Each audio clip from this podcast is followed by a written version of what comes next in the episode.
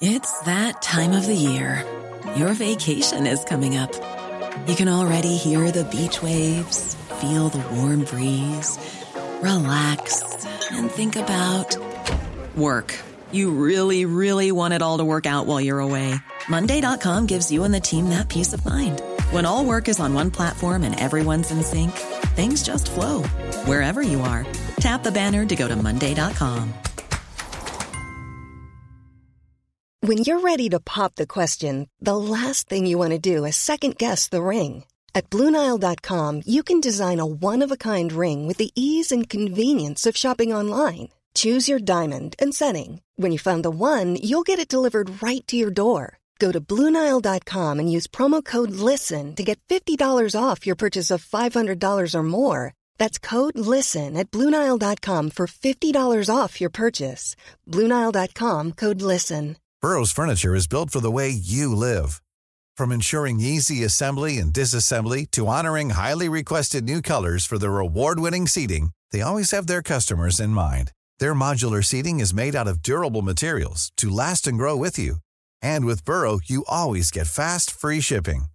Get up to 60% off during Burrow's Memorial Day sale at burrow.com slash ACAST. That's burrow.com slash ACAST. burrow.com slash ACAST. Du lytter til en podcast fra TV2.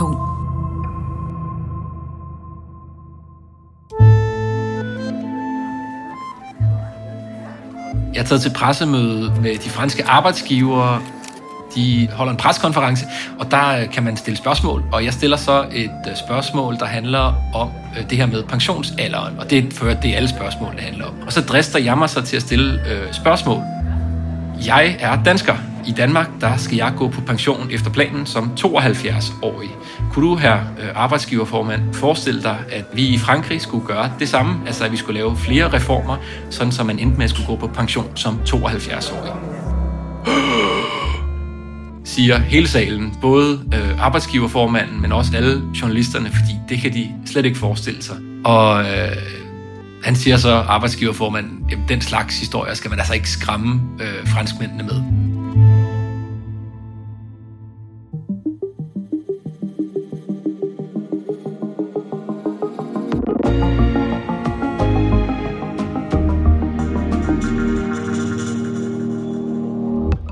Skraldet flyder i gaderne i Paris, mens franskmændene strækker og demonstrerer for deres fremtid. Præsident Macron har gennemtvunget en lov, hvor han hæver pensionsalderen fra 62 til 64 år. Og mange af franskmændene er rasende over det, der for danskere virker som en lav pensionsalder. Men hvorfor? Det er dato i dag. Jeg hedder Camilla Stampe, og jeg er vikar for Thomas Bug Andersen, mens han er i Kaliforniens ørken.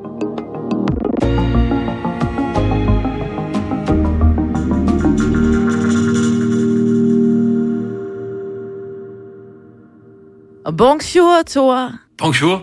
Ça va? Ça va très bien. Et vous? Og så, ja, så, så ved jeg så ikke, hvad jeg skal svare. Så nu fortsætter vi på dansk, ikke? Hvis det er okay. Jo, lad, lad os gøre det. Det er nok bedst.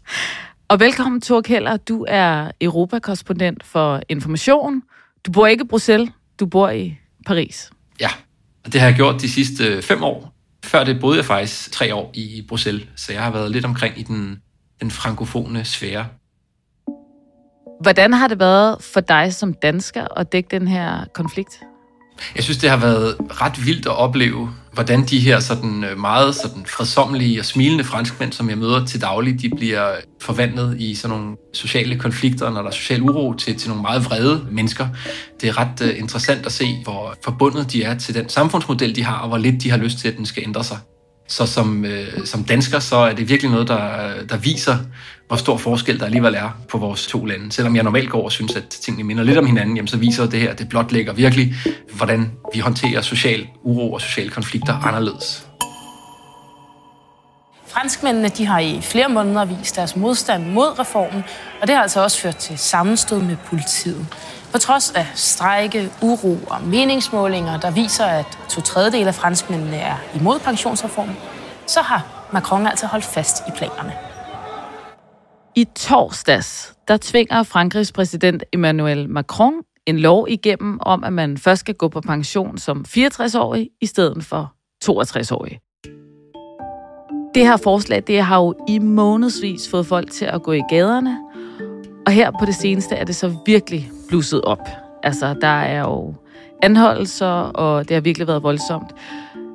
Og det kan jo være lidt svært for os at forstå den vrede herhjemme. Altså, hvorfor er det så voldsomt et indgreb for franskmændene? Jeg tror, at det både handler om pensionsalderen, men så handler det også om, hvordan det grundlæggende er at arbejde i Frankrig. Altså, hvad det er for et liv, man har, hvis man er øh, i øh, arbejderklassen, øh, den type af arbejde, man udfører, og udsigten til at skulle gøre det to år mere. Mange af dem, jeg taler med hernede i Frankrig, de siger, at det er ikke det her med de to år, der er problemet. Det er to år mere af det her, altså af det liv, vi lever, som vi demonstrerer imod.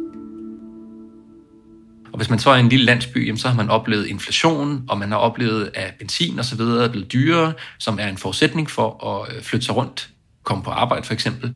Og det vil sige, at øh, der er mange, der ser som det, det her som sådan en, en forlængelse af en øh, nedtur, som har ramt Frankrig de seneste par år. Og det er ret interessant, fordi hvis man ser på det på makroniveau, jamen så er arbejdsløsheden på det laveste niveau, den har været i øh, 15 år. Hvis man ser på antallet af investeringer, der kommer til Frankrig, jamen så er de også på et meget højt niveau.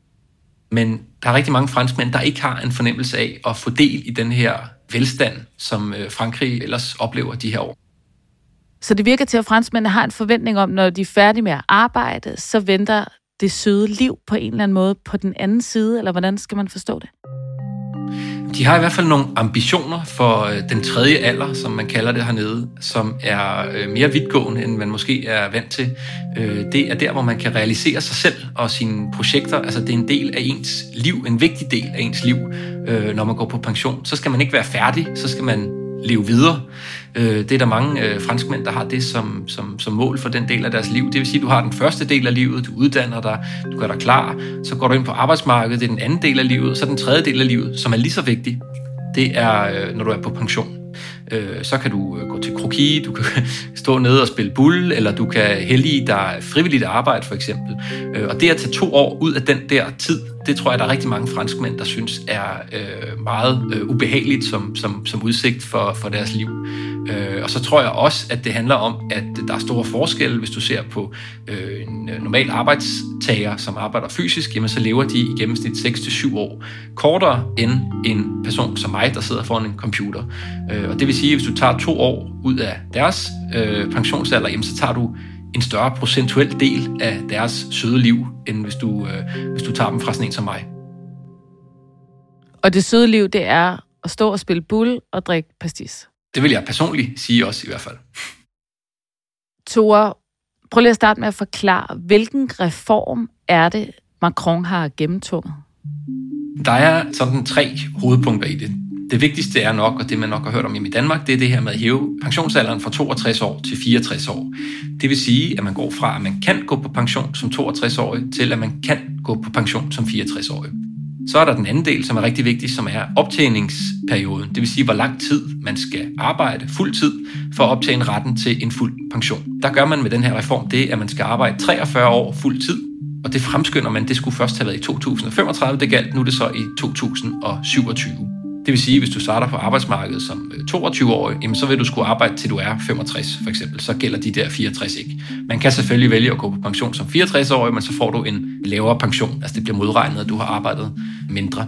Og så fjerner man en rigtig stor del af de her sådan særregimer, som har været i Frankrig lige siden 2. verdenskrig, hvor systemet øh, blev, blev opfundet efter krigen for blandt andet sådan nogle som, som øh, togfører og øhm, øh, politifolk og skraldemænd og sådan noget. De, de får også fjernet nogle af de særlige rettigheder, de havde. Blandt andet ved øh, skraldemændene, som øh, strækker lige nu, gå på pension som 59-årige i stedet for 57-årige.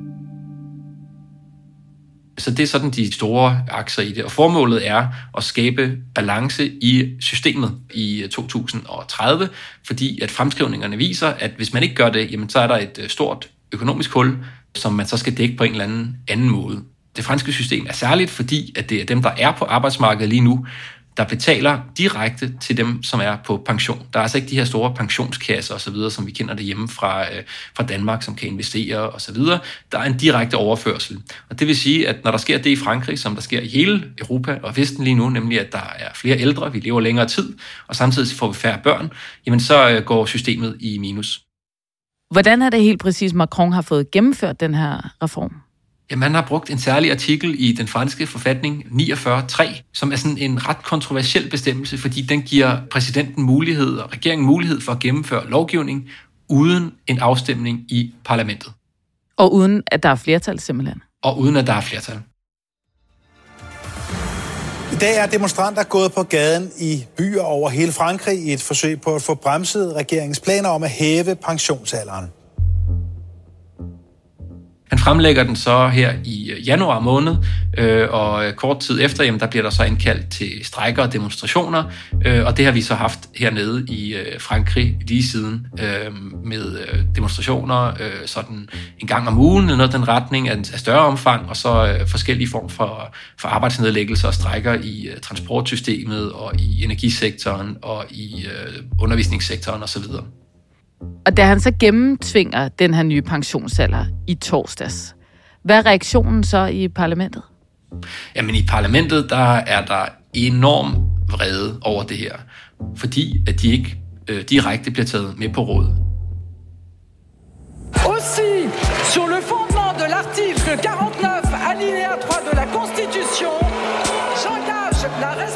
se øh, premierministeren, der står op ved sådan en øh, halvforgyldt øh, talerstol, og så øh, står i den her sådan halvcirkel, som er det franske øh, parlament, som er fyldt med sådan nogle øh, sådan røde, øh, plysovertrukne sæder. Der står øh, hele oppositionen så med øh, armene i vejret, med, med skilte i hænderne, hvorpå der står øh, demokrati, og hvorpå der står øh, 64 år, det er nej. Er det normalt at se den her slags altså skilte og protester inde i parlamentet? Ja, det er det faktisk. Øh, og det er ikke, det er ikke kun med, med pensionsreformen, man ser det. Altså, du øh, ser som sagt altid en opposition, som er øh, meget i opposition, og som øh, råber og, og skriger inde i øh, parlamentssalen. Og det er næsten ligegyldigt, om oppositionen er til højre for den siddende regering eller til venstre. Øh, fordi det er oppositionens rolle hernede at protestere, øh, og det gør man så på den her særlige franske façon. På de franske gader var der lørdag endnu en gang demonstrationer mod regeringens pensionsreform. Det er... Tore, du har jo dækket flere af de her demonstrationer. Hvem er det, der går på gaden? Når man møder op til de her demonstrationer, så er det i meget høj grad øh, dem, som er aktive i fagforeningerne. Og så kommer der selvfølgelig et, et sammenrend af, af både venstrefløj, men også den her gang noget mere øh, højrefløj, end man har været vant til som møder op, og som simpelthen er der, fordi de er øh, enormt brede. Øh, og de har så en fantastisk øh, evne til at lave sådan nogle sjove plakater, som de går øh, hævet over hovedet med og, og viser frem. Jeg kan huske sådan en, hvor at, øh, man ser Macron øh, henslængt på sådan en, en meget fin, sådan lidt rokokoagtig sofa med rødt betræk, hvor der så står et eller andet med, at han skal komme ned på jorden til, til os almindelige mennesker, til almindelige dødelige. Hvordan ser det ud, når franskmændene går på gaden og demonstrerer? Det er egentlig en ret sådan hyggelig atmosfære. Øh, der er sådan lidt øh, grillfest over det, hvor at øh, man kan tage sine børn med. De sidder op på skuldrene, og så går man igennem gaderne og råber, og råber kampråb. Sådan er den ene udgave af det. Så findes der også den sådan, øh, mørkere side, eller hvad vi skal kalde det, hvor at det er øh, sortklædte som kaster sten efter politiet og tænder bål i gaden osv. Og de to ting, de eksisterer begge to i den franske øh, demonstrations- og protestkultur. Men selve de her demonstrationer, særligt tidligt på dagen, jamen det foregår ofte i sådan en rolig, næsten sådan festivallignende atmosfære, hvor at man lige kan få sig en, en hotdog eller en, en sodavand undervejs, og hvor der simpelthen er sat system i den del af det. Altså at man for eksempel, så jeg i en øh, video fra en af de andre franske byer, havde udviklet en særlig hotdog-båd, som simpelthen kører på skinnerne, øh, sporvognsskinnerne igennem byen. Så passer den her særlige vogn, de har lavet, ind i skinnerne, og så kører den her hotdog-båd med demonstrationen igennem byen.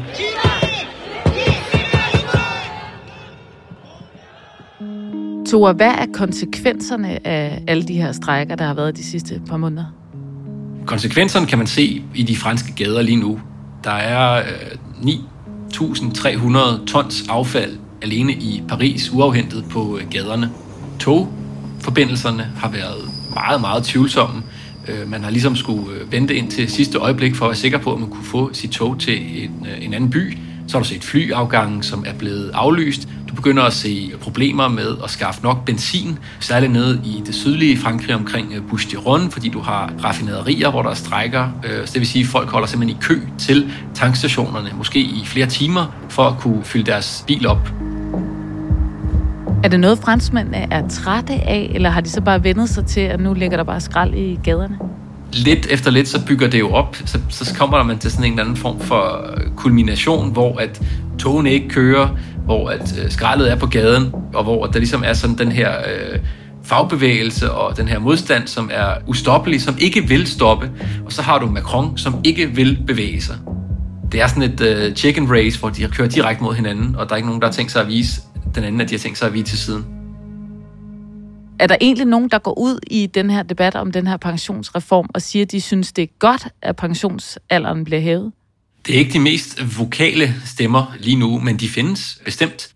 Meningsmålingerne tyder på, at det er sådan cirka to ud af tre, som er imod pensionsreformen, men resten af dem, de synes jo, det er en god idé. Det er typisk dem, der stemmer på Emmanuel Macron og hans parti ved, ved valgene. De her sådan øh, 25-30 procent af franskmændene, for hvem det egentlig går ret godt, og som synes, der er behov for at modernisere Frankrig.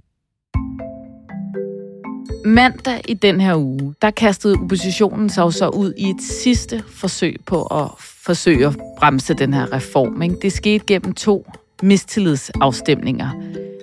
Hvad gik de ud på?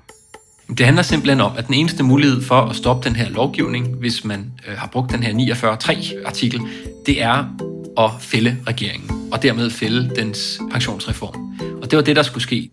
Og hvordan gik det med de mistillidsafstemninger? Jamen, vi var ude på eftermiddagen omkring klokken øh, 16, da ballet ligesom åbnede inde i Nationalforsamlingen. Der blev holdt flammetaler fra oppositionen. Og så kvart over seks, så stemmer de så, og det har de en halv time til, og det er kun dem, som vil stemme på mistillid, som rent faktisk stemmer. De andre, de behøver ikke at gøre noget. Det ender så med, at der er 278, der stemmer for mistillid. Det vil sige, det er lige kort nok. Der mangler ni for at få nok til at vælte regeringen. Men det er flere, end man havde forventet. Det er mange flere, end man havde forventet. Tore, efter den her mistillidsafstemning, den jo så ikke fører til, at det her det bliver stoppet. Hvordan er reaktionerne så i gaderne? Så ser man med det samme, at øh, folk samles. Mange af dem var allerede samlet for at følge de her afstemninger i parlamentet, og da det så går op for dem, at øh, jamen, det her det ender ikke med, at regeringen den falder, jamen så, så begynder de sådan improviseret at råbe slogans og begynder at forsamles i det centrale Paris, blandt andet ved en plads, der hedder Place Vauban, som ligger sådan inde øh, lige ved, ved siden af scenen, ved siden af Invalides i det her sådan smukke gamle Paris, som, som de fleste danske turister nok kender så sker der så det, at de her parlamentarikere, altså dem, som er modstandere af reformen, de så begynder så langsomt sådan at sive ud fra de hellige haller inde i, i parlamentet, ud blandt befolkningen øh, og de her demonstrerende. Og det giver faktisk demonstrationen sådan et lidt lettere præg, eller hvad man skal sige, fordi man kan ikke forestille sig, at politiet lige pludselig braser ind med hjelme på og begynder at, at rydde pladsen, når der står øh, sådan parlamentarikere øh, midt i det hele. Men øh, senere på aftenen, så øh, bliver det mere alvorligt. Der er ildspåsættelser, og der bliver anholdt 171 alene i, øh, i Paris. Forventer du, at det vil blive mere vredt, altså også i løbet af de næste dage og uger? Ja, det er klart min forventning, fordi at den tiltro, man kunne have til den politiske proces, at den skulle kunne ændre noget, jamen det, det kan man ikke længere nu forestille sig. Altså den er ligesom, det, det løb er kørt. Hvornår træder den i kraft, den her nye pensionsalder? Det gælder fra september, og så bliver den så gradvist indfaset. Det vil sige, at man lægger tre måneder af gangen til frem mod øh, 2030. Det vil sige, at øh, fra september, jamen så er reformen sat i værk og er gældende lovgivning i øh, Frankrig.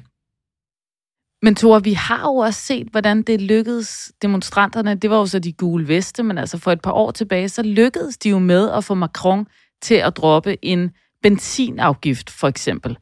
Så er der ikke også en vidshed om, at hvis de nu fortsætter det her, så kan de måske få Macron til at trække i land, eller hvad? Jo, det er jo det, man kalder øh, gadens parlament hernede. Altså det her med, at øh, demonstrationer og det at gå på gaden skal fungere som et korrektiv til den politiske proces. Det vil sige, at øh, du har øh, de demokratiske institutioner osv., og hvis det så ikke lykkes, jamen så må folket gå på gaden. Og det stammer jo helt tilbage fra den franske revolution, det her. Den tanke om, at man skal tvinge centralmagten med folkemagt til at ændre kurs, den trives stadigvæk i en del miljøer i, i Frankrig som noget positivt. Det er jo en farlig ting, at det ikke er den demokratiske proces, men at det er en eller anden form for urepræsentativ folkelig bevægelse på gaden, der kan gøre det her. Ser du en parallel mellem de demonstrationer, der er nu, og så de gule veste? Altså den her følelse hos nogle franskmænd af, at det er en særlig gruppe, der i forvejen er socialt og økonomisk dårligt stillet. Altså at det igen er dem, der bliver ramt her?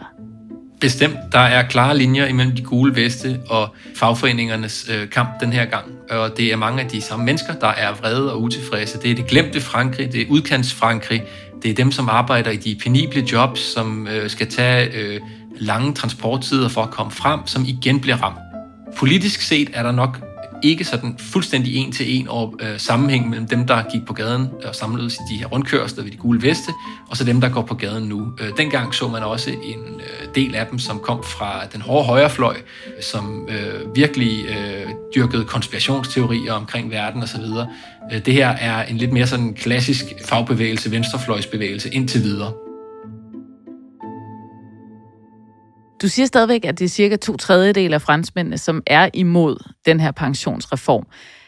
Hvad kan de så stille op nu? Altså er det eneste redskab, de har tilbage, det er at gå på gaden?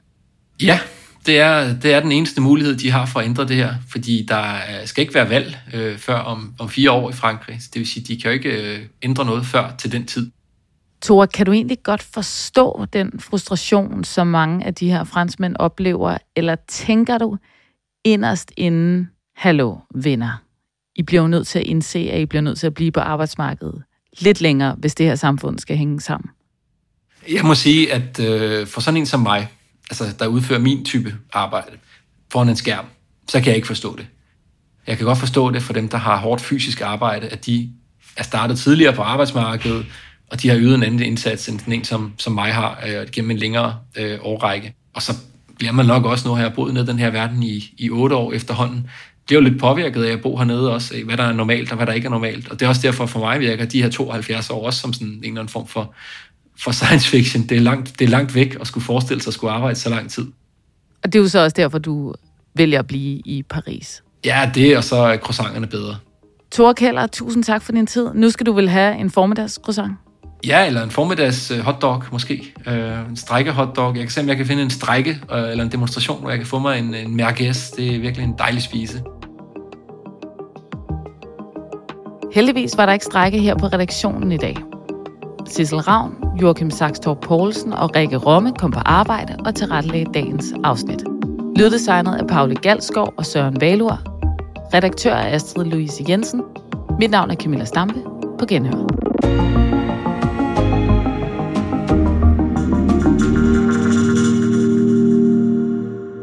har lyttet til en podcast fra TV2.